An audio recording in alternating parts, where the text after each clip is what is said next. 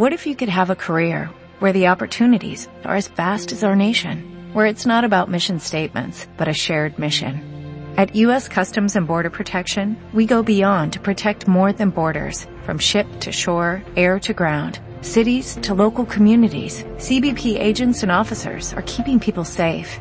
Join U.S. Customs and Border Protection and go beyond for something far greater than yourself. Learn more at cbp.gov/careers. Catalunya Ràdio. Les notícies de les 8.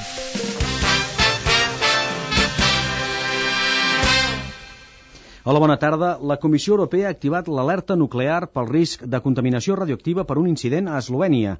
L'incident s'ha produït a la central nuclear de Crisco, que estava en un procés d'apagada. Brussel·les, Nandos a Noguera.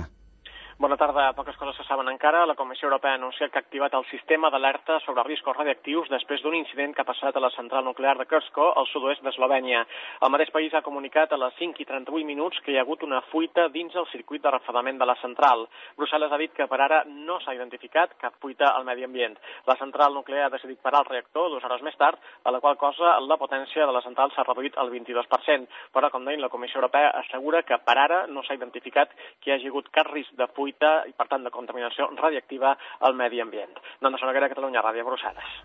El senador demòcrata Barack Obama serà el primer aspirant afroamericà a la Casa Blanca després de guanyar les primàries del seu partit. Tot i això, la seva rival, Hillary Clinton, encara no ha renunciat formalment a la cursa presidencial en un intent de guanyar temps per pair la derrota. Tots dos han coincidit avui en un acte organitzat pel lobby pro-israelià de Washington i Obama ja ha fet servir un to presidencialista. Sabem que la fundació d'Israel va ser justa i necessària, basada en segles de lluita i dècades de treball pacient. Però 60 anys després sabem que no podem aturar-nos, no podem cedir, i com a president mai comprometré la seguretat d'Israel. El candidat republicà John McCain ha desafiat Obama a fer un debat sense moderador d'aquí a vuit dies a Nova York. El president de la Generalitat, José Montilla, ha descartat que en el futur s'hagi de tornar a plantejar l'aportació d'aigua de l'Ebre a Barcelona. Ha assegurat que si es torna a produir una situació de sequera excepcional, la desalinitzadora del Prat garantirà l'abastiment a l'àrea metropolitana. El cap de l'executiu català també ha replicat al Partit Popular que li ha demanat que cessi el conseller Francesc Baltasar per la seva gestió de la crisi de l'aigua.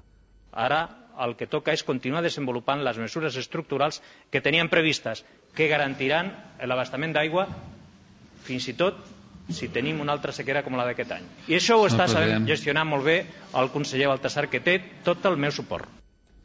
Aquest matí Convergència i Unió també ha instat el conseller a dimitir, cosa que Baltasar ha descartat. El Parlament ha aprovat una resolució que millora les condicions per obtenir ajudes agroambientals al sector de l'avellana. La Unió de Pagesos espera que canvi la tendència dels últims anys que ha portat a abandonar les terres centenars de petits productors. Tarragona, Manel Sastre. El govern permetrà que tots els pagesos del sector de l'avellana, els professionals i els que tenen el camp com una segona ocupació, puguin aplicar mesures de lluita contra l'erosió i l'impuls de sistemes racionals i de conservació paisatgística perquè es puguin acollir també a les ajudes del Pla de Desenvolupament Rural a partir de l'any que ve. Josep Fortuny, responsable nacional de la fruita seca d'Unió de Pagesos, explica la importància d'aquest acord. Nosaltres creiem que amb una aprovació del Parlament, si la Conselleria d'Agricultura ho sap treballar bé i nosaltres també, eh, que aquestes mesures s'aprovarien això què vol dir? Doncs vol dir que, que durant cinc anys el sector de la fruita seca de l'avellana tindria un que tantes vegades va que fa cinc anys que estem reivindicant. Els últims anys, el fet que només es poguessin acollir aquestes ajudes als pagesos professionals ha reduït la seva aplicació un 93% des de l'any 2006 i la superfície de conreu d'avellana ha passat de les 36.000 hectàrees a les 13.000 en els últims 20 anys. Ens quedem al Parlament, on s'ha aprovat aquest vespre instar el govern a defensar la unitat de la col·lecció de les obres d'art de la Franja que hi ha al Museu de Lleida. Es tracta d'una moció molt semblant a la que es va votar per unanimitat ara fa ja dos anys. Parlament, Ignasi Abad. Bona tarda. El Parlament ha aprovat per quasi unanimitat eh, una moció per reconèixer la unitat de la col·lecció de les obres d'art en litigi al Museu Diocesà de Lleida i evitar-ne la disgregació. El text aprovat també insta el govern a condicionar l'autorització del trasllat de les obres. Ho explica la diputada de Convergència i Unió, Carme Vidal, que ha presentat la moció. Mantenint la unitat de la col·lecció d'entrada perquè li és d'aplicació la llei de patrimoni i no pas una sentència canònica, però sobretot mantenint la unitat de la col·lecció i que no surti cap peça del museu ni en una exposició temporal fins que no estigui resolta avui des de la via civil, per tant des dels jutjats eh, civils, eh, fins que no estigui resolta la titularitat de la propietat. La diputada nacionalista ha celebrat el consens obtingut en aquesta moció esmenada pel tripartit i que només ha obtingut el vot en contra del grup mixt. Ignasi Abad, Jordi Just, Catalunya Ràdio Parlament. La policia francesa ha recuperat un quadre de Monet, un de Sisley i dues pintures de Bruegel que van ser robats l'estiu del 2007 del Museu de Belles Arts Jules Cheret de Nissa. El robatori es va produir quan un grup d'homes armats i encaputxats van assaltar el museu reduint els agents de seguretat del centre. L'operació policial ha permès recuperar les peces a Marsella, on s'han detingut 10 persones. 8 i 5 minuts, als esports. Pau Gasol reconeix en unes declaracions a Catalunya Ràdio que espera guanyar la final de l'NBA i que no està neguitós per haver-la de jugar perquè ho porta esperant durant tota la vida. Martín Cáceres és oficialment nou jugador del Barça per les quatre pròximes temporades. El Barça ha de desembutxacar 16 milions i mig d'euros per un jugador que el Villarreal tenia cedit al Recre. Madrid ha passat el tall i està entre les quatre ciutats candidates a acollir els Jocs Olímpics del 2016. Chicago, Tòquio i Rio competiran amb la ciutat madrilenya. Els responsables del bàsquet Girona no renuncien a trobar els diners que necessiten per mantenir l'equip a l'ACB, tot i la negativa de les institucions a aportar un capital molt elevat per mantenir l'equip. El Barça ha anunciat la compra d'uns terrenys a Viladecans per 18 milions d'euros que es destinaran en un futur a equipaments esportius. Aquest anunci arriba enmig del procés de validació de firmes de la moció de censura. Divendres es podria acabar el recompte i el club és qui haurà de fixar la data del referèndum. Fins ara s'han validat 4.100 signatures de les, 1.000, de les 4.500 que s'han estudiat fins ara. Roger Federer ha passat a les semifinals del torneig de tennis de Roland Garros, ha desfet de González, mentre que David Ferrer queda fora d'aquestes semifinals després de perdre en 4 sets davant Monfils. En l'apartat femení, Sharapova ha passat a semifinals, unes semifinals que disputarà contra Safina. L'Espanyol jugarà el partit més destacat de la pretemporada a Old Trafford contra el Manchester United. Serà el 2 d'agost. Avui ha quedat definit el calendari de pretemporada mentre que el Porto presenta recurs contra la decisió de la UEFA d'excloure'l de la Champions per l'intent de subord d'àrbitres a la Lliga Portuguesa. Fins aquí les notícies.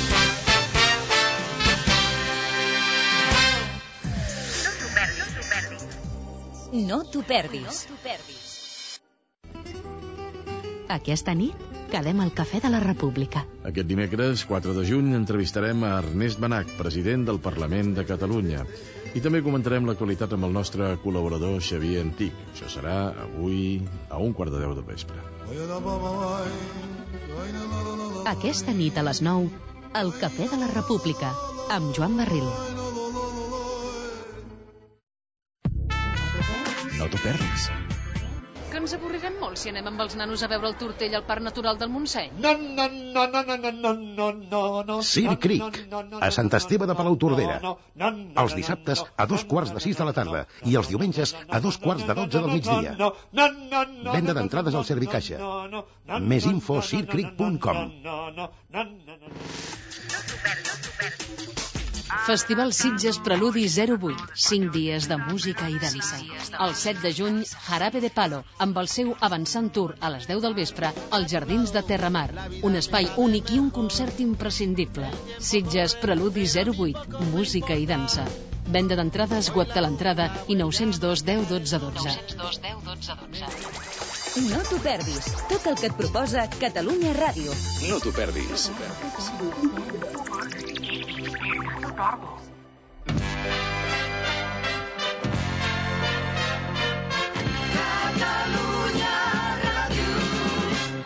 Molt bon vespre. Avui a l'Ofici de Viure, el riure com a teràpia.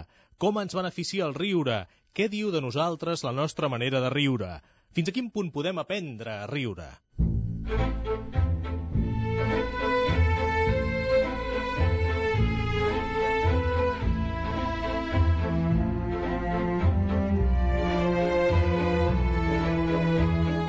Gaspar Hernández. L'ofici de viure.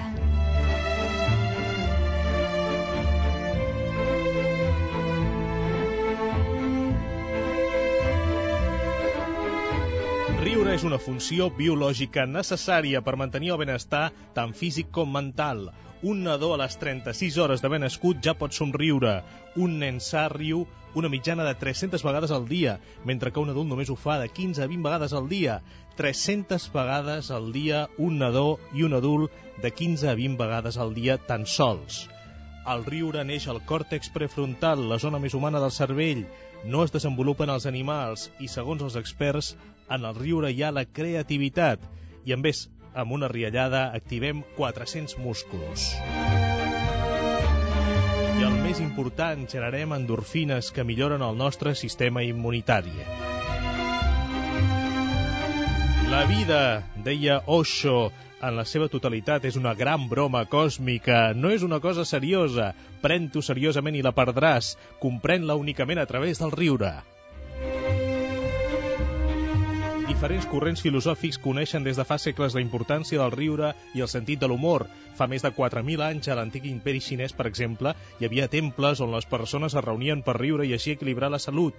A l'Índia també es poden trobar temples sagrats on es pot practicar el riure. En cultures ancestrals de tipus tribal hi va haver la figura del doctor pallasso, se'n deia, o el pallasso sagrat, un bruixot vestit i maquillat que feia servir el poder terapèutic del riure per curar els guerrers avui a l'Ofici de Viure, el riure com a teràpia.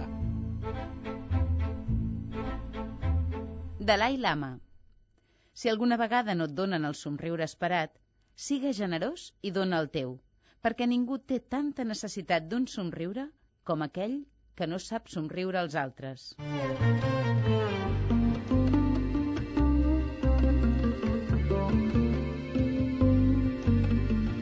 Molta gent es pregunta què és realment això de la risoteràpia i ens ha sorprès molt el concepte equivocat que es té sobre aquesta teràpia alternativa.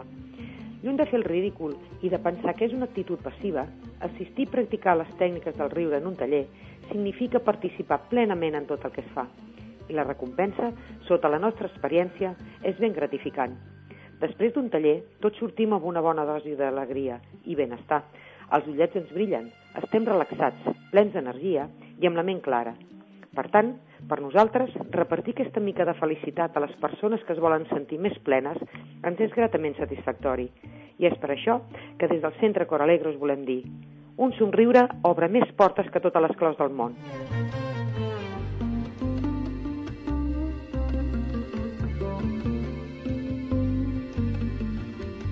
Formo part d'un projecte que es diu Riure Bé, juntament amb la Marta Llobet i altres col·laboradors, que portem cinc anys fent tallers i cursos de risoteràpia per arreu d'Espanya, tant associacions, empreses, ha altres grups, i la nostra experiència realment és molt positiva.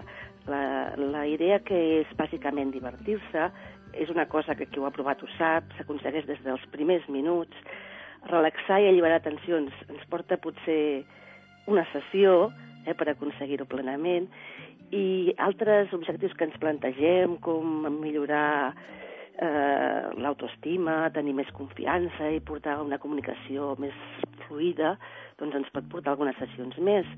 Però el fet és que qui prova repeteix.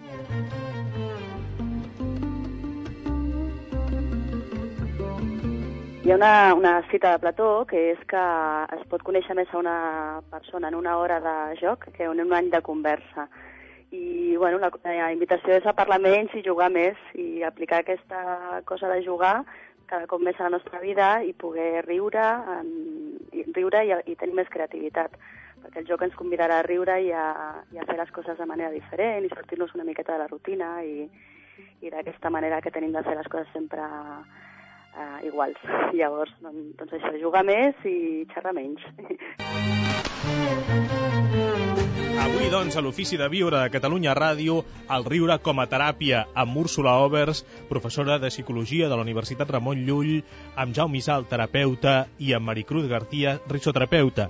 Aprofito la vinentesa per anunciar-vos que demà parlarem de què vol dir ser lliures, com ser més lliures, la llibertat interior amb Míriam Sobirana i divendres el teu enemic és el teu mestre.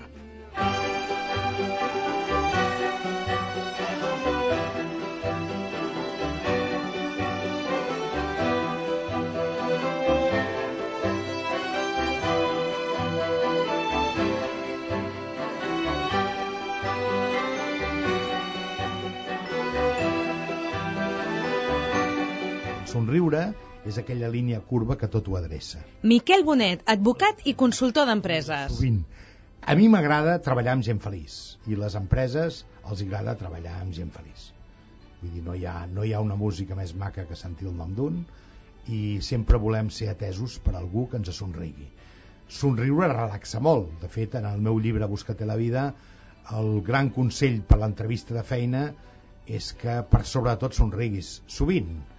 Vull dir, perquè això tranquil·litza molt a l'altra part i dona un entorn positiu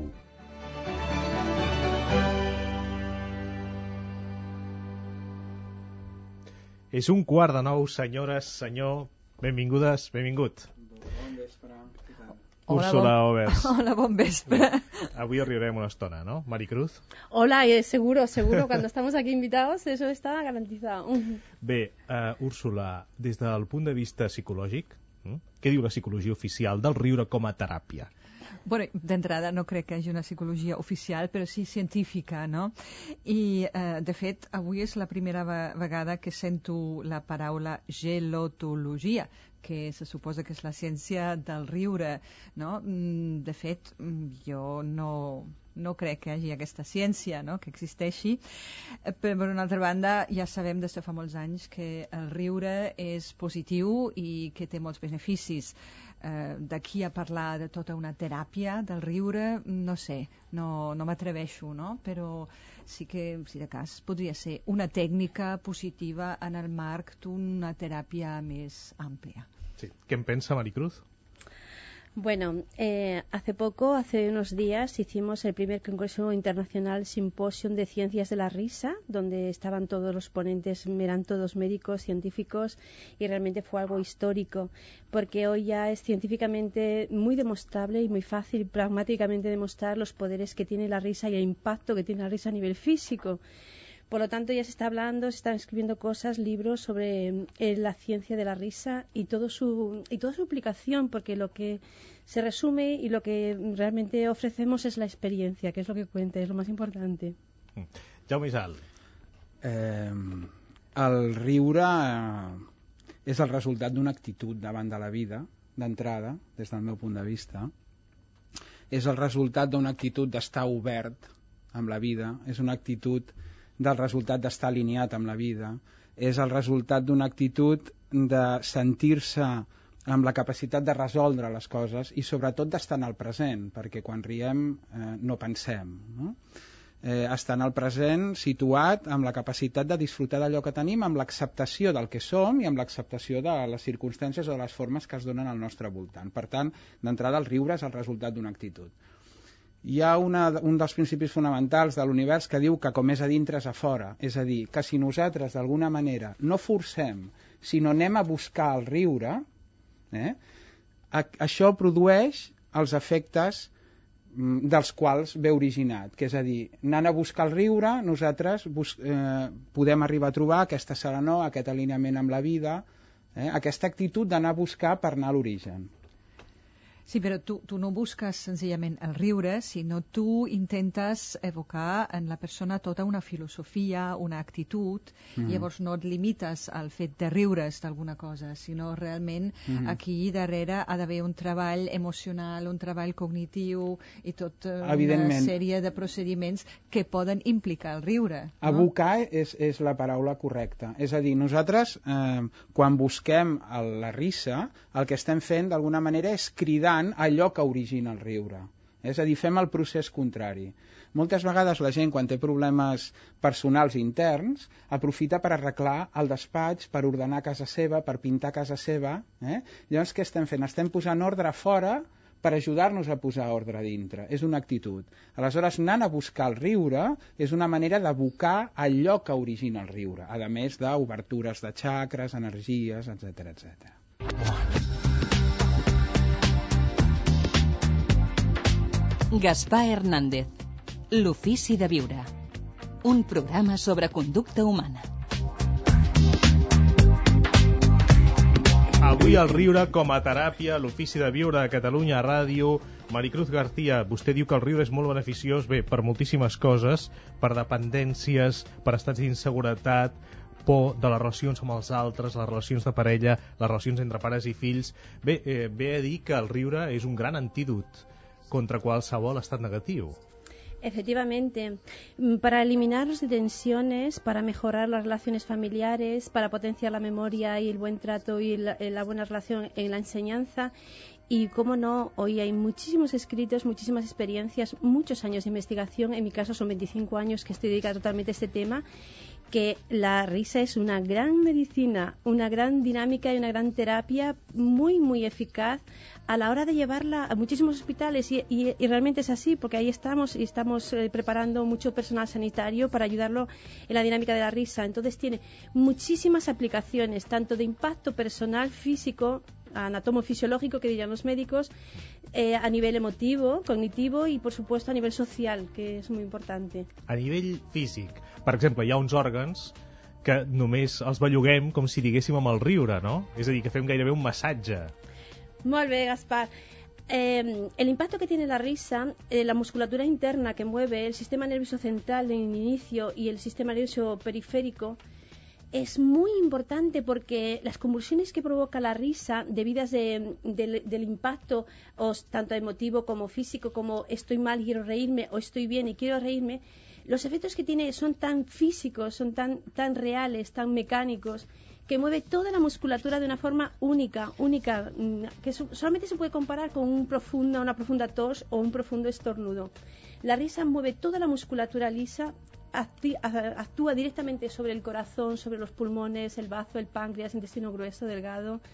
Actúa profundamente sobre todo en nuestro sistema nervioso central, que es el, el principio y lo más importante de todo el cuerpo humano, y genera un montón de maravillosas endorfinas, la dopamina, la serotonina, las endorfinas, las encefalinas, producto del bienestar, del quiero y la intención, del ensayo incluso de la risa, porque cuando estamos tristes y estamos mal, lloramos y generamos lágrimas, abatimiento, cansancio, y cuando estamos bien generamos las mismas lágrimas, pero como un torrente divino y maravilloso de endorfinas maravillosas. Entonces, Cuidado con eso. Si estamos mal, estamos tristes, preocupados, generamos lágrimas. Y estamos bien, queremos reírnos.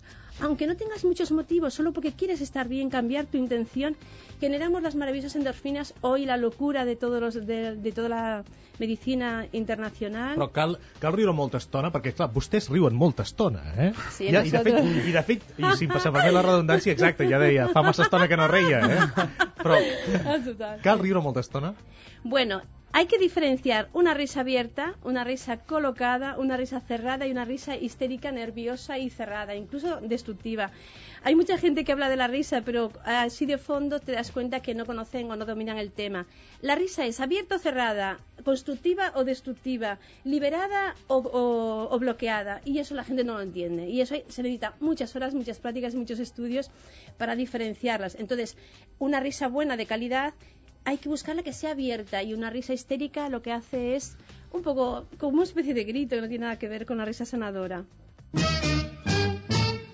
François Sagan. La capacitat de riure junts és l'amor.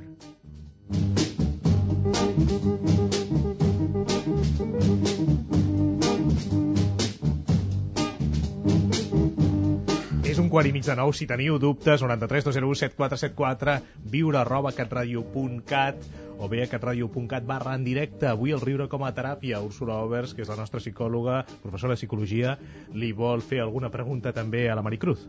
Sí, eh, jo volia preguntar eh, sobre la tècnica, com es fa això, no? Eh, en la risoteràpia, que es provoca el riure com a tal, com un reflex mecànic, o s'utilitzen estímuls, per exemple, pel·lícules còmiques o una cosa així. És a dir, per eh, que aquesta tècnica, jo prefereixo parlar de tècnica, no de teràpia, perquè aquesta tècnica sigui eficaç, eh, s'ha de provocar amb un estímul eh, susceptible de ser còmic o eh, es, ho provoco així davant del mirall, així, hi, ha, ha. Ja, gràcies, està molt interessant. Aquesta pregunta segurament se l'estarà fent moltes, moltes, moltes persones, no? Nosotros no somos humoristas, somos técnicos de la risa y casi todo el grupo que tenemos en Salud Inteligente son médicos, son psicólogos, son gente que está metidos en las medicinas naturales. No somos, o sea, una persona de la dinámica y terapia de risa no somos, no somos humoristas, somos técnicos. Entonces, nosotros utilizamos, mm, depende si la clase es para un niño, para un anciano, para un minusválido, para un hospital, para un médico, para una enfermera, tenemos técnicas distintas. Lo que provo provocamos, lo que intencionamos es que cuando una persona se ríe, utilice toda su profunda respiración, utilice todos sus medios, que es el cuerpo, que es el medio por el cual tú mueves y trabajas la risa. Y lo que utilizamos la intención y el ensayo, que no tiene nada que ver con una risa forzada, el ensayo el tipo de respiración que provoca la risa, el tipo de tos que provoca la risa, el tipo de actitud que provoca la risa y los movimientos y las agitaciones que provocan la risa. Dependiendo si es un hospital, si es un, una universidad o si es una escuela o si es un, una celebración de despedida de solteros, lógicamente la técnica es distinta.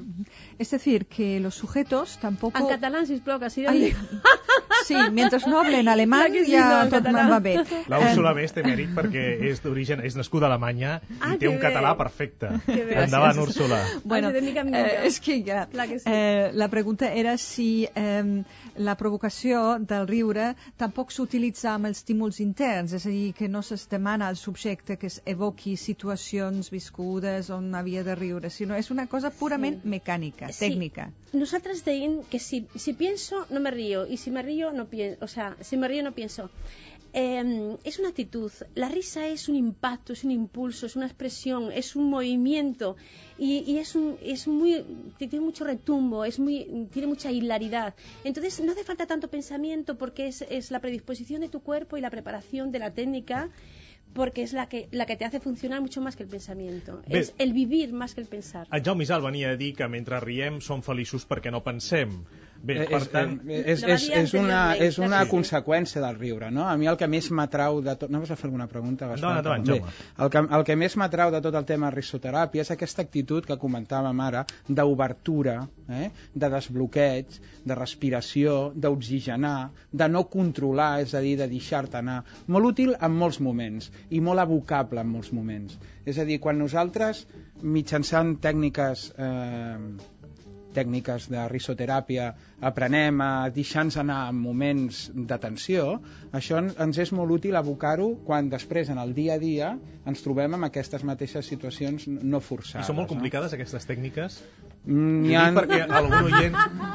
perquè, d'altra banda, jo veig que una tècnica... Sentir la Maricruz ja és una tècnica. Clar, és que, és que la risa... Contagiosa... Tots sabem que és molt contagiosa, no? Sí. I, I lo important és la predisposició. És a dir, quan tu vas a un taller de risoteràpia... Molt important, Clar, quan tu vas a un taller de risoteràpia i tens davant un professional que porta ja, 25 anys estudiant això i que, i que en sap, no? Sap tocar eh, els, els punts, les, les, la, el que això comporta és una altra història. Però sense anar a cap taller, és a dir, els oients que estan escoltant en aquests moments, com poden... Ja estan rient, eh? Sí, segur que estan rient. Ja. Clar que sí, segur. Bé, eh, com poden cultivar aquest riure ara mateix, per exemple? Sí. Una petita idea? La respiració és molt important. A veure, tenim aquí molts invitats aquí a l'estudi, eh? Fem una, una mica de respiració per als amics de Catalunya Ràdio. Clar, la respiració. La respiració és importantíssim. La predisposició, la intenció, la, la, la, la, la práctica y la asiduidad de, y, y, conseguirlo. Entonces, por ejemplo, a ver, vamos a hacer un poco de ensayo. Más Jaume que está aquí a tope, veo que ha hecho muchas prácticas dinámicas de la risa. Sí, sí. Y Gaspar també l'agrada molt, tots, eh? També... I a la Úrsula també, eh? La Úrsula, no? ja la Úrsula està rient. La, la Úrsula té molt sentit de l'humor i a mi em fa riure molt, eh? Sí, ah, és encantadora, encantadora. Sí, Però, precisament, el, sen eh, el sentit d'humor no és el mateix que, que el riure, perquè precisament no. ella parla del riure provocat mecànic, mentre el sentit de l'humor eh, requereix una reflexió, una percepció d'una situació, una elaboració de la situació, tan, tal com ha explicat Humoristes. abans del Jaume, no? Sí. Llavors és molt diferent, l'humor no és el riure, no? I, no, són diferents. L'humor, per exemple, com a tècnica a, a psicoteràpia, s'utilitza molt, uh -huh. però no es provoca un riure mecànic, sinó el riure ve espontàniament després que el pacient hagi entès una situació que abans percebia com a tràgica i ara veu com a còmica. Perquè no és, eh, fent d'advocat del diable, el vostre riure no és molt maquinal? No, nosaltres fem d'advocats dels, dels déus, dels dioses, que són més divertits i tenen més poder. Però, responent a, responent a la meva pregunta si és tan amable, Maricruz, és a dir, no estem parlant d'un riure, això, no?, com molt estandarditzat, és a dir, eh, eh, és evident que vostès Clar, ara si comencen a riure, sí. jo m'hi afegiré el primer, eh? i que riurem molt a gust, eh? i a més tenen un riure tan contagiós. Clar que sí. Però és un riure que fa la sensació que bé, que no ha passat abans pel pensament, que com si diguéssim que és una tècnica molt maquinal. És un riu més se parece más a los niños. Los niños son impulso, es vida, es movimiento, es intención, es impacto. Entonces ya no tienes tiempo de pensar, que decía Llama, que me encantaba cuando decía, es que si pienso no me río, y si me río no pienso, que hemos comentado anteriormente. La risa es entrañable, sale de las entrañas y de no intención. El amor sale de dentro, no lo piensa, ay, mira, me voy a enamorar de aquel porque se me interesa. Y la risa, ay, me voy a reír ahora cuando pase una persona. No, la risa sale de dentro, es una fuente interior de las entrañas que surge, además súper mal educada, porque no le importa que estés desde, te digo, cosas extremas de un problema social, a una iglesia o incluso un teatro que a veces no presta, no, no significa que puedes reírte. Hem arribat a dos quarts de nou a l'Ofici de Viure a Catalunya Ràdio. Ricard Rotllant, monjo budista, com estem? Bona nit. Molt bona nit. Doncs, eh, bueno, començarem rient, no? Estaria bé no riure. Uh, sí, en principi uh, nosaltres pensem que el riure és el resultat de quan es practica molta meditació i molt de ioga és una... Mm, experimentes un estat tant de ment com de cos molt gojós, no? I aquest goig et fa, doncs, eh, de tant en tant sempre trobar un concepte, les coses les veus més positivament, no? I llavors eh, sempre tens un esclat de riure per qualsevol cosa, no?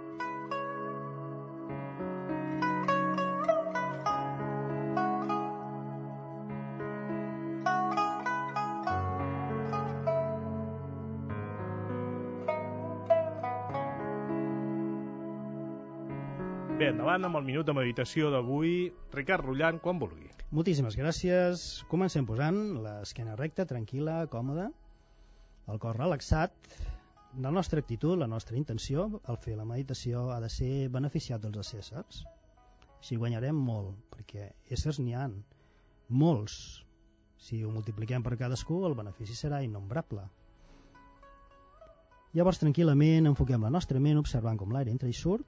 Has de ser precís, has de ser ja molt directe, anar directament al teu nas i observar com l'aire entra i surt, agafant pràctica. L'aire entra, observa exclusivament aquí, l'aire surt, observa. I utilitza aquest enfoc, aquesta precisió, aquesta concentració per analitzar. Aquest anàlisi serà molt fàcil, el faràs visualitzant.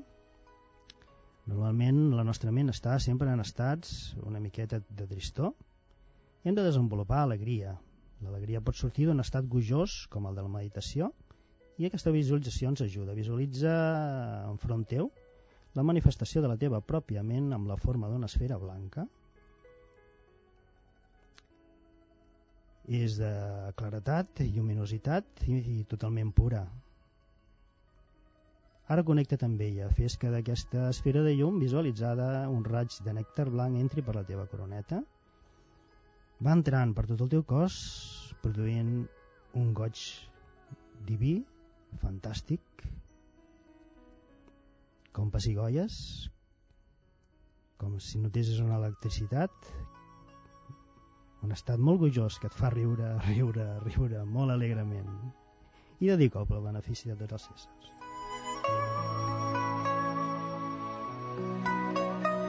Ricard Rullant, que rigui molt. Demà. molt bon, bon vespre. vespre. Catalunya Ràdio. No hi ha color.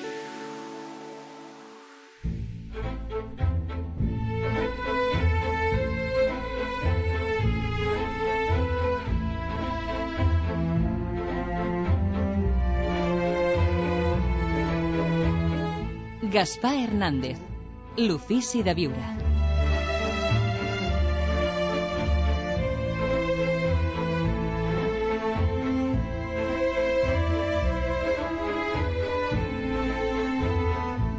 Avui a l'ofici de viure, l'ofici de el riure com a teràpia. Que bé, que bé. En la Mercè ens diu que ha fet tallers i que reconeix que li costa molt riure. Malgrat haver fet tallers de riure, es bloqueja. En canvi, en els tallers de plorar o en tallers relacionats amb les emocions no té cap problema. Pregunta per què li passa això a Úrsula Albers. Pues de fet no ho sé, no? però clar, eh, potser també és eh, qüestió d'un hàbit, no? que potser eh, el riure també s'ha d'aprendre, no? o potser té poques coses eh, eh, de les quals es, eh, quals es pot riure, no? perquè, a veure, jo em quedo amb el tema de la provocació mecànica del riure. perquè eh, el riure és l'expressió conductual d'una emoció i perquè es produeixi una emoció es requereix un estímul emocionalment competent, es diu així, no? I llavors, eh, a mi no m'entra gens bé aquesta idea de que hem de provocar-nos artificialment un riure quan no hi ha un estímul emocionalment competent eh, i potser el que falla en el eh, cas de la Mercè és que no es pro produeixen estímuls emocionalment competents pel riure. Però un nadó, però per exemple, plorar, un sí. nadó que riu molt té aquest estímul que en diu vostè emocionalment competent? Sí, i tant, i tant. Per exemple, el contacte eh, físic amb l'adult, eh, les pessigolles que li fem, el somriure que li fem... Clar, però també és una predisposició fisiològica que disminueix amb l'edat. Malauradament, eh? Sí, Malauradament, sí, sí, perquè sí. ja ho dèiem. Jo no 300 vegades al dia els nadons, de 15 a 20 vegades al dia nosaltres a anem veure, bé. jo no, du- perdó, que no dubto que sigui bo eh, riure's més, òbviament, que el, el riure té molts beneficis. Jaume? Eh, el tema del nadó, jo crec que quan, el, el nadó per què riu? Doncs per, perquè sent les seves necessitats cobertes. Eh? Quan té gana menja, quan necessita la mare però i l'agafa, està net, està bé, està en una temperatura adequada. El riure és la, aquesta, és la conseqüència d'aquesta obertura davant i el sentir-se... Eh, sí? Eh? Amb, amb, Ojalà bé, és el meu punt de vista. Sí, la, les seves necessitats del moment, d'acord? Les seves necessitats d'aquell moment. Respecte al que deia, la, i, i això és la, ser- és la conseqüència del que seria si nosaltres sentíssim les nostres necessitats cobertes. El problema és que anem amb la motxilla de que no tinc tot allò que necessito amb aquesta actitud de víctima culpable. Si no, evidentment que estaríem rient tot el dia. Respecte al que ha dit la Úrsula de riure, emoció i estímul, que eh, o sigui, la direcció és emoció, que normalment és la ment, no? O sigui, tens una idea, que és l'estímul, després ve l'emoció i ve el riure després, i jo eh, crec que això es pot, és bidireccional. És a dir, igual que eh, fem estímul, emoció i riure, provocant el riure podem abocar l'emoció i podem arribar a l'estímul mental, des del meu punt de vista.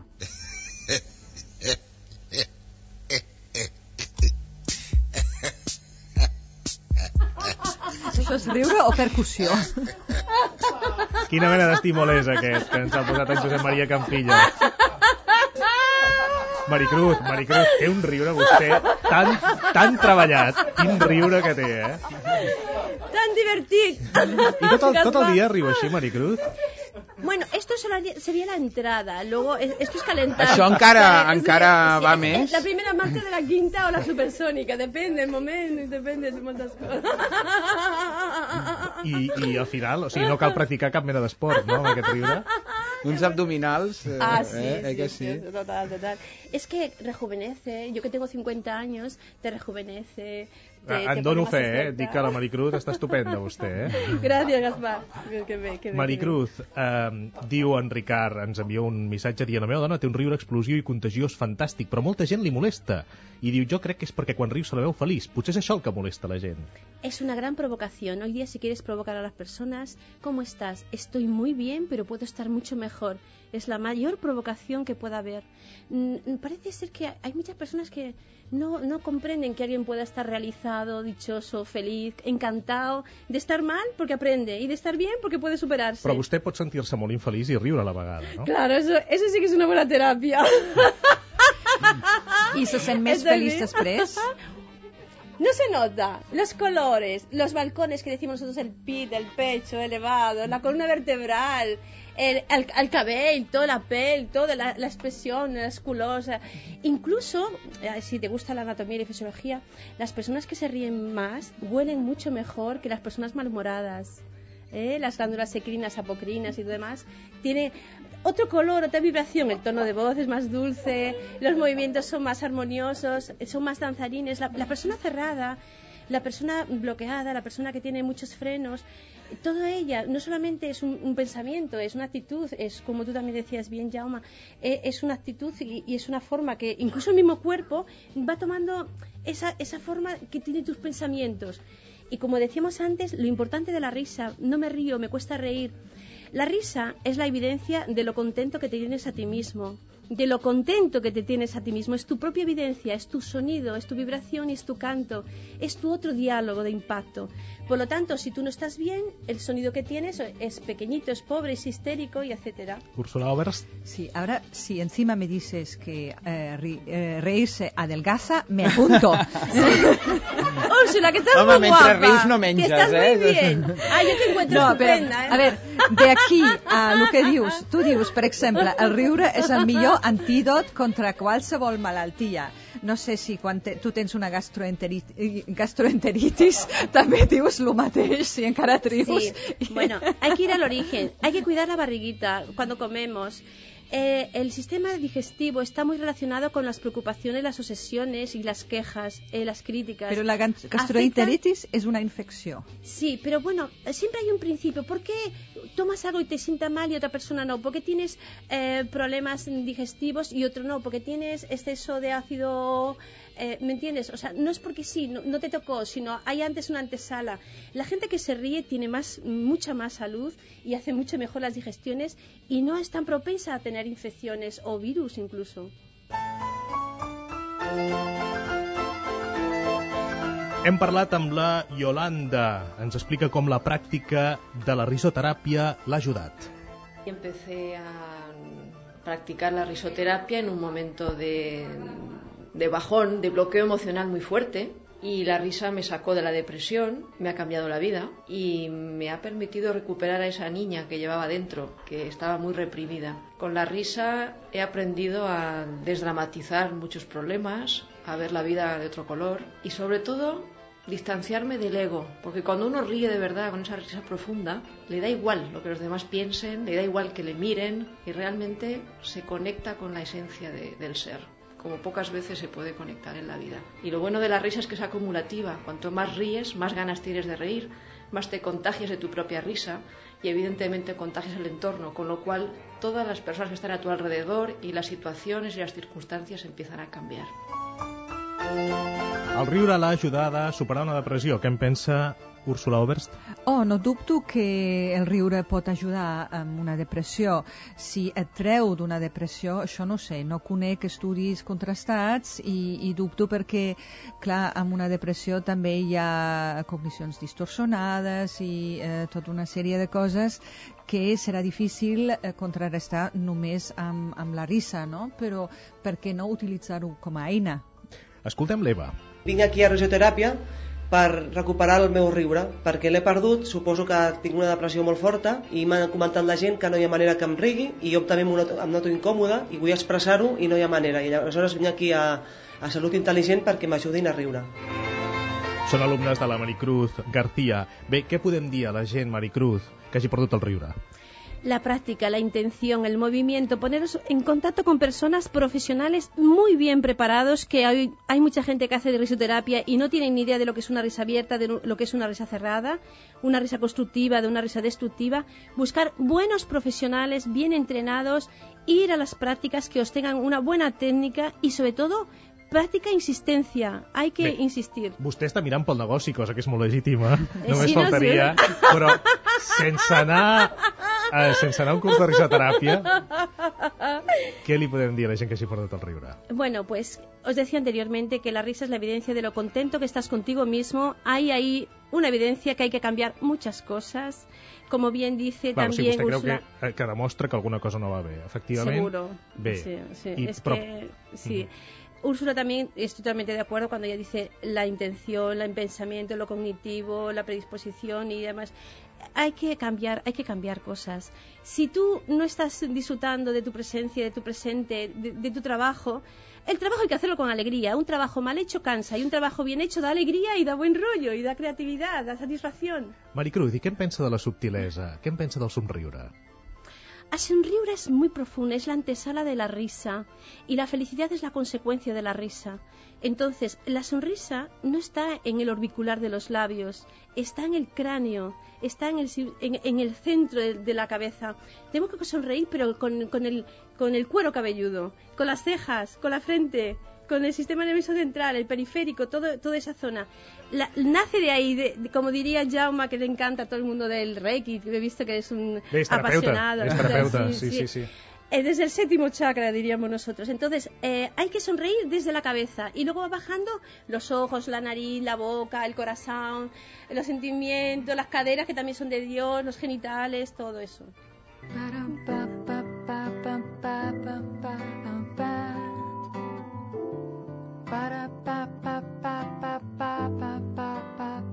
Vaig veure per la tele lo de la dinàmica del riure i vaig buscar per internet on es podia fer aquí a Barcelona. Fa set anys o sis anys, no recordo molt bé. I per internet vaig trobar aquest lloc i vaig venir un dia per provar-ho. I ja el primer dia vaig notar que em va anar molt bé. Ni psicòlegs, ni pastilles, vaig el primer dia vaig notar ja un efecte immediat. I vaig pensar que si en aquest dia anava tan bé doncs, que havia de ser molt bo. Abans vaig continuar venint 4 o 5 setmanes seguides, després, bueno, després he anat venint menys, menys sovint, però és molt recomanable, va molt bé. Ou para que é que serve uma... Hem escoltat el testimoni d'en Xavi. Algun comentari, Jaume Isant? Sí, bé, que cadascú troba la seva eina. Uh, si això li serveix... Hi ha hagut una cosa que m'ha semblat important d'un dels comentaris que hem tingut abans. Diu, me da lo mismo lo que piensen los demás en el moment que estic rient, no? Eh, això és, és, és algo important perquè deixes de sentir-te víctima, deixes de sentir-te culpable i et sents en comunió amb l'entorn. No? I hi ha uns tallers de, de Descobreix el clown que tens a dintre. Que hi va anar vostè. Que hi, va anar, que hi vaig anar, en, la Carme Rufat també, i bé, va sí, ser realment fantàstic perquè en aquests tallers aprens, en aquests moments que estàs a davant de, 25, de, de les persones que estan fent el taller amb tu i ningú riu, perquè el que fas, evidentment, no ets un clown professional, no fa riure ningú, i el que ells diuen estar situado en la mierda, no? estàs colocado en la mierda en aquell moment, sen, aviam, quines són les sensacions que tens eh? i expressar, ex, perdó, expressar aquestes emocions que tens i això de cop i volta és el que fa riure els altres i tu donar-te la llibertat de sentir-te en, en, el, en el més absolut dels fracassos i d'expressar aquella emoció que estàs sentint quan, quan et sents en el fracàs no? I són uns tallers realment eh, fantàstics, molt recomanables. Maricruz, i vostè que té el riure tan esmolat, què fa quan es troba en una situació delicada i esclata a riure? Eh? Ay, es que mm, yo soy provocadora. Ja, però jo me l'imagino vostè, per exemple, en un funeral i, se, i sentint el seu riure de fons, eh? Bueno, mira, en nuestra cultura, en la, en la, cultura nuestra europea, el tema de la, de la risa en un funeral no, es nuestra cultura, pero hay otras culturas en el mundo donde a la hora de decir adiós a la persona amada, a la persona que es tan importante para ti, la persona que te acompañó en la vida, el mejor regalo es decírselo con una sonrisa y con una risa profunda. Incluso utilizan muchas técnicas para reír utilizan la ropa de, de, la persona difunta, utilizan los movimientos, si la persona cojeaba, cojeaban todo, cojean todos. Es que el tema de las culturas son tan sutiles y tan variadas, no todo es así ni de otra forma, la vida es cambiante constantemente. Entonces, nos hemos encontrado, es, cierto, porque es que yo, a mí todo me hace gracia, me dicen algo negativo, me hace gracia, me dicen algo positivo, lo mismo. Tropieza alguien, le ayudo, pero dice, discúlpeme, no, no me río de usted, me río con, con usted. Y entonces, para mí, mi risa es mi tesoro, es mi expresión, es mi regalo y lo voy a cuidar siempre, en cualquier momento. Siempre dejando claro, ¿eh? aquí los amigos de Cataluña Radio, a la oficina del Viura, de, tenemos que reírnos con las personas, no de las personas. Por lo tanto, siempre sean bienvenida en cualquier situación, en una enseñanza, en la universidad, en un hospital. Avui Jordi Llavina estem fent l'ofici de riure. Eh? Benvingut. Sí, que ho veig. Com Va, estàs? Hola, bona nit. Jo, jo li volia preguntar a la, a la Mari Cruzo, però vostè convindrà amb mi que amb això dels enterraments eh, una cosa és somriure i l'altra partir-se el pecho con el fiambre, ella. és una cosa ha de ser, no? A veure, i, i, i aquí s'ha vist moltes coses i jo crec que en veurem més, perquè aquesta cosa tan ridícula d'aplaudir d'aplaudir els, Els morts. el, els morts de l'enterrament Això sí que és ridícul, de Oi que és veritat, ridícul? eh? Jo això no estic gens sí? d'acord. Ja. De veritat que sí, eh? Ja. Ah, llavors... Ridícul, ve de riure, eh? Sí. Sí. Bueno, mm, a ver, es que has sacado un tema muy delicado. Eh, que cada uno lo viva como lo sienta. Si hay alguien que se ofende, debe de, de de- de tener todo respeto hacia el momento y diferenciar, por favor, el con del de. Reírme con las personas, reírme de las personas. No. Y reírte cuando estás con la pareja. Ah, bueno, això volia dir. Això és a mi m'encanten les dones que quan arriben a l'orgasme es parteixen també de, de riure. M'en- Veus? No, no, la Maricruda no, no la toco, eh? Però vull dir que m'enca- m'encanten. És bona senyal, eh? No, Diuen que és, bonic, és molt bo, bona és senyal. És molt bona senyal. A mi no m'ha passat gaire, però vaja. Amb mi riuen abans, riuen abans i a l'hora de l'orgasme no. Però, però sí, aba- abans els faig riure, després ja no. T'has preguntat per què? Mm, Bé, en tot cas escriuré un mail d'amor. Però és compatible una cosa amb l'altra? El riure i, i, i l'amor. Just en el mateix moment, A veure, Jordi? No, jo crec que sí. Sí? A veure, sí, que, sí que hi ha gent que riu amb el cos, que riu eh, de la, de la manera canònica. Sí que hi ha, hi ha persones... Just al moment de l'orgasme, eh? Sí, sí, sí. Mira, antiguamente se preparaban las parejas antes del acto sexual, antes del, del coito, porque ella, sobre todo la mujer, generaba un- un- una sustancia que se llama amrita, que era como muy, eh, era como, como, un- como una, digamos, un fluido eh, energético sexual vitalizante, incluso decían que era dulce, donde la mujer antes del coito, antes de hacer el amor, reía mucho con todas las convulsiones adecuadas y preparadas y el hombre era como su batería y disfrutaba, le hacía reír, le hacía los cuchufletas, aquello de los movimientos, las- la cosquilla, que eso es una antesala mejor que el mismo acto sexual. A ver los chicos, acordaros que es muy importante hacer reír a las parejas porque así ella estaba mucho más abierta, mucho más divina y era una batería que no estaba descargada como en la mayoría, ¿eh? estamos como un poco descargados. I al, revés, al revés també, no? Sí, pero claro, si ella, la mujer tiene mucha fuerza y, y tiene mucho movimiento, entonces el hombre la prepara, la condiciona a su punto y la mujer entonces después disfrutaban que llamaban placer de dioses. Era el, el hombre se reencontraba como, como su dios eh, de una forma muy especial. A Maricruz. través de la risa. Ríete, ríete de Walter Risso, no? Moltes gràcies. A vosaltres. Que bé. Algun últim comentari? Jaume? Mm, bé, mm, el que dèiem, no? Uh, evidentment, després d'una bona estona de riure, el cos et queda bé, això està clar. Els processos físics que generen les endorfines i tot això clarament funcionen. I el sentir-te bé et predisposa a estar bé i, per tant, a tenir un, un bon moment posterior. Tanca l'Ursula Overs. Jo no dubto que sigui bo eh, el riure, però també ha d'haver moments per altres emocions i altres eh, expressions d'emocions, no? I també hi ha d'haver un temps per la, llàgrima, no? Bé, moltes gràcies per aquest contrapunt. Gràcies, Jaume, gràcies, Maricrut, Ursula Overs. D'aquí uns instants, els Mills d'Amor, amb Jordi Llavina, que no fan riure, em sembla. Eh? No, no, concretament. No, no. No riurem amb els mails d'amor. Fins ara. Fins ara. Posa a punt la bici. I ens trobem el 8 de juny a Barcelona. Catalunya Ràdio. 25 anys. El Corte Inglés, amb Catalunya Ràdio. En ràdio, si no quedes satisfet, es pot girar el dial i canviar d'emissora. El Corte Inglés felicita Catalunya Ràdio per aconseguir diàriament milers d'oients fidels. Catalunya Ràdio. 25 anys. Càmera, acció! Grava i reviu les teves aventures amb la càmera de vídeo Mans Lliures. Ara, amb l'Avui, aconsegueix aquesta càmera d'alta qualitat per només 99 euros. El proper cap de setmana a la teva cartilla.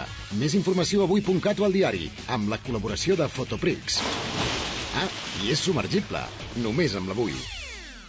Amb la cuenta Azul d'Ibanesto li trauràs tot el suc als teus diners. Fes de client i aconsegueix un 5,5% i més a més fins al 31 de desembre de 2008 i amb total disponibilitat. Comprova-ho a ibanesto.com. T'estem buscant. Ets l'espectador que més en sap de TV3. 60.000 euros t'esperen. Un gran espectacle amb Judit Mascó. Preguntes, respostes i el millor de 25 anys. Tots hi participarem, també des de casa. De 25 en 25... Arribarem a tu. Els 25 a TV3. Aquesta nit estrena. Mmm, qué sabrosa está esta Woody. Bien, como te decía, me llamo Jorge Lorenzo. Es mi primer año en MotoGP y el otro día conocí a un tipo famosísimo. La primera vez que lo vi me cayó muy bien, pero ahora tengo otra idea. Quiero comérmelo en la pista. A Woody, obviamente. Salchicha Budialla, sponsor oficial del Fiat Yamaha Team 2008. Mira-te'l, sempre tan content. Això és que el tracten bé a casa, ja m'entens. No, no, no, té a veure amb la decoració. Ah, sí? Se'ls veu a la cara. Han aconseguit els millors mobles i el millor disseny per casa seva. Ibu Calvert Disseny, la millor solució per la decoració de casa vostra. Vine a Manresa i et sorprendrem. Ibu Calvert Disseny, carrer Prudenci Comelles 2430 de Manresa. Telèfon 93 872 81 11.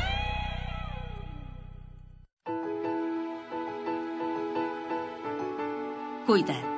Espai de salut Tecnon. Avui artrosi de genoll. Amb el doctor Ferran Montserrat, traumatòleg i cirurgià ortopeda. L'artrosi és l'envelliment de les articulacions.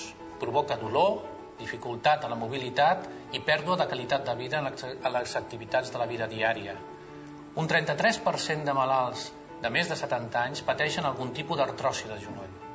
En els casos més avançats d'aquesta artrosi, la pròtesi total de genoll és el tractament adequat. Els cirurgians que fem aquesta cirurgia de genoll la realitzem amb tota seguretat avui en dia. L'èxit d'aquesta cirurgia consisteix en una bona tècnica i una bona rehabilitació per part del malalt. Pensem que als dos mesos de la intervenció, la majoria de malalts poden realitzar gran part de les activitats de la vida diària sense dolor i amb una molt bona mobilitat. Cuida't. Espai de salut Tecnon. Grup Llet Pasqual amb Catalunya Ràdio. Els últims 25 anys, Catalunya Ràdio ha estat un referent informant amb rigor als oients catalans. En el mateix període, Grup Llet Pasqual ha consolidat la seva presència a Catalunya, ha creat riquesa, ocupació i ha crescut amb sostenibilitat. Grup Llet Pasqual felicita Catalunya Ràdio i desitja al seu equip 25 anys més d'èxit. Catalunya Ràdio. 25 anys.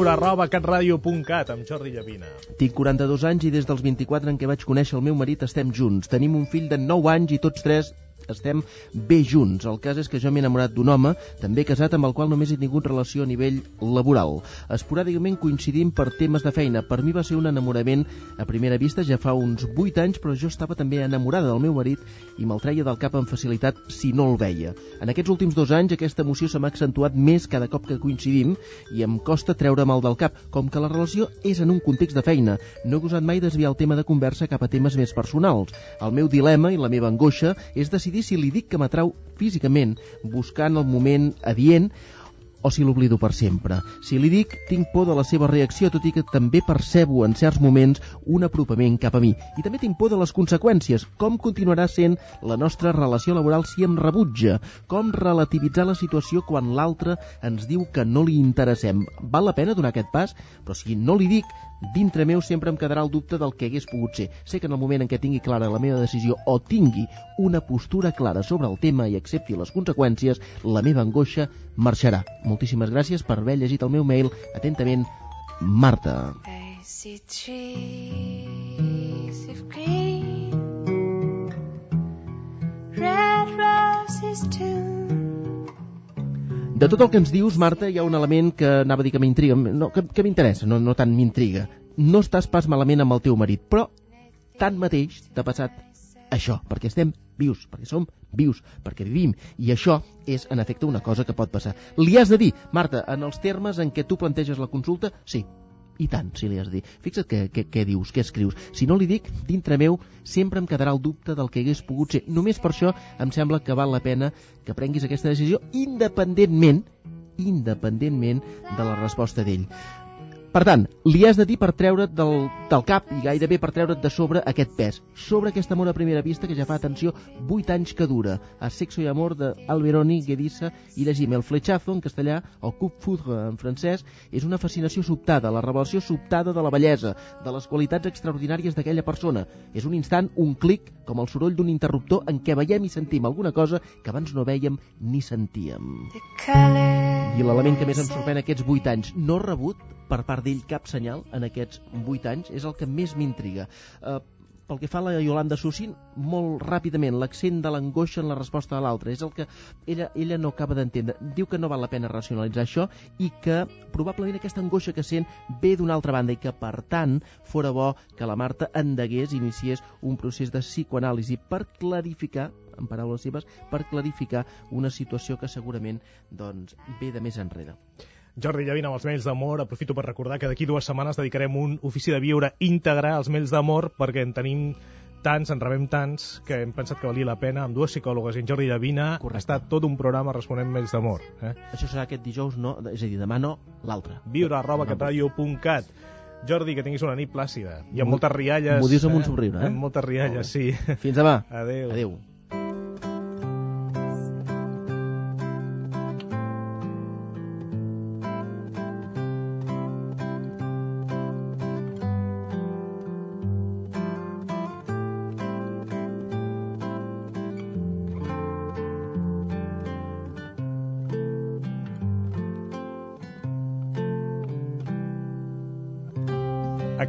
Amb dos aforismes de Fernando Pessoa, que sobre la llibertat va escriure «Primer sigues lliure i després demana la llibertat».